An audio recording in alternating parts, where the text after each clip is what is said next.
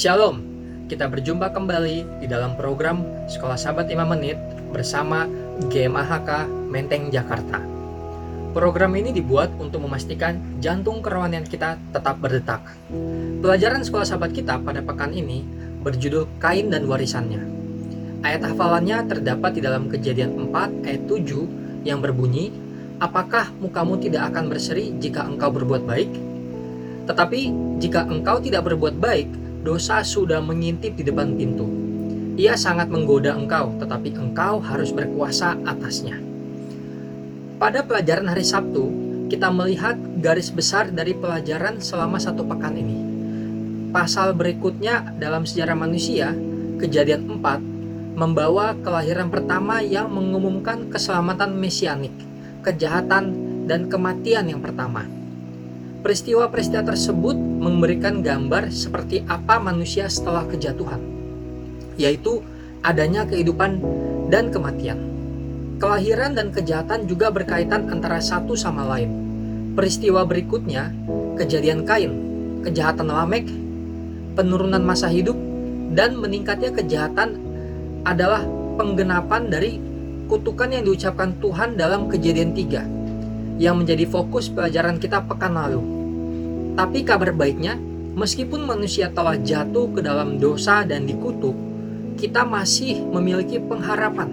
Pada hari Minggu, kita mempelajari bahwa peristiwa pertama yang dicatat di dalam Alkitab setelah pengusiran Adam dari Taman Eden adalah kelahiran.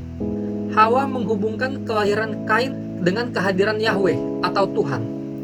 Perempuan adalah orang pertama yang menyebut nama Tuhan Yahweh atau Allah yang mengerti kita dan dekat dengan kita.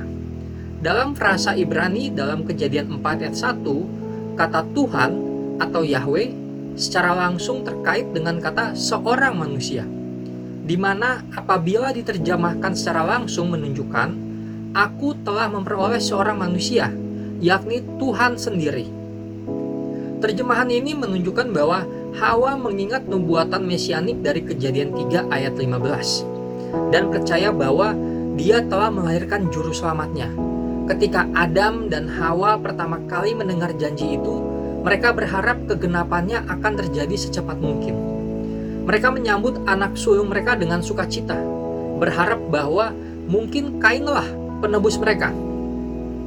Hawa dengan bersemangat mengomentari kelahiran Kain, tapi untuk Habel Alkitab hanya mencatat dilahirkannya lah Habel. Bahkan dari nama Kain dan Habel, kita bisa melihat perbedaan pandangan dari Adam dan Hawa. Kain berarti memperoleh dan menunjukkan perolehan, kepemilikan atas sesuatu yang berharga dan berkuasa.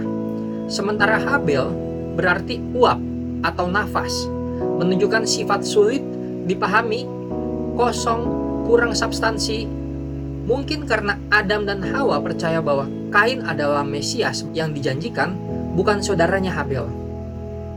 Beralih ke hari Senin, perbedaan Kain dan Habel tidak hanya terlihat dari arti nama mereka, tetapi juga dari pekerjaan mereka. Kain adalah penghasil buah, sementara Habel adalah penggembala domba. Kedua pekerjaan ini tidak hanya menjelaskan sifat dari dua persembahan, di mana Kain mempersembahkan buah dan Habel mempersembahkan domba.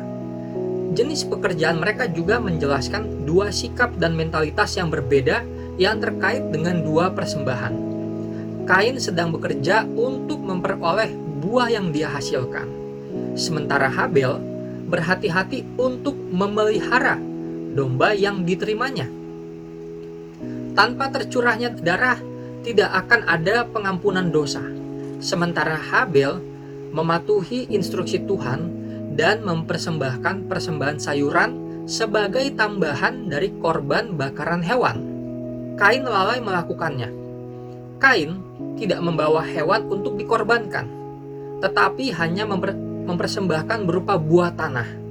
Kain menunjukkan ketidaktaatan kepada Tuhan. Habel dan persembahan darahnya menggambarkan keselamatan oleh iman Sementara Kain menggambarkan upaya untuk mendapatkan keselamatan melalui perbuatan.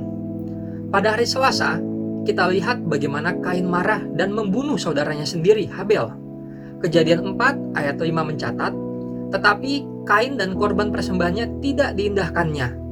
Lalu hati Kain menjadi sangat panas dan mukanya muram. Kemarahan Kain seperti diarahkan kepada Tuhan dan Habel. Kain marah kepada Tuhan karena dia mengira bahwa dia adalah korban ketidakadilan Tuhan. Dan Kain marah kepada Habel karena dia cemburu pada saudaranya.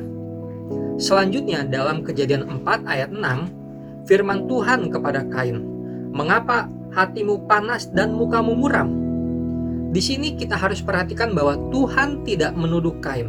Tuhan mengajukan pertanyaan bukan karena dia tidak tahu jawabannya, tetapi karena dia ingin Kain melihat dirinya sendiri dan kemudian memahami alasan dari kondisinya sendiri.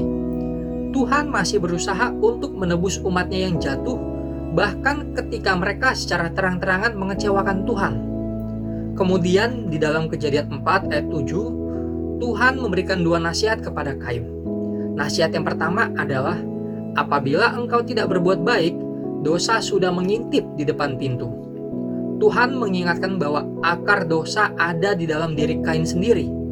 Dan nasihat yang kedua, dosa sangat menggoda engkau, tetapi engkau harus berkuasa atasnya. Tuhan mengatakan bahwa Kain harus memiliki pengendalian diri, meskipun Kain merasa dia memiliki alasan untuk marah kepada Tuhan dan Habel, hingga membunuh Habel. Pada akhirnya, Kain tidak memiliki siapa pun untuk disalahkan atas dosanya kecuali dirinya sendiri. Begitu juga dengan saya dan saudara. Mungkin sering kali kita merasa memiliki alasan untuk melakukan dosa karena terdesak keadaan, atau sebagai reaksi kita akan suatu hal yang membuat kecewa, namun pada akhirnya tidak ada yang bisa kita salahkan saat kita melakukan dosa kecuali diri kita sendiri. Dan tidak ada alasan apa pun yang membenarkan dosa yang kita lakukan. Karena manusia telah jatuh ke dalam dosa dan kehilangan kemuliaan Allah.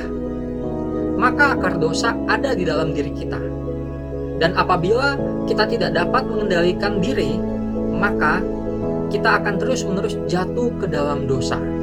Sekian sekolah sahabat 5 menit kita hari ini.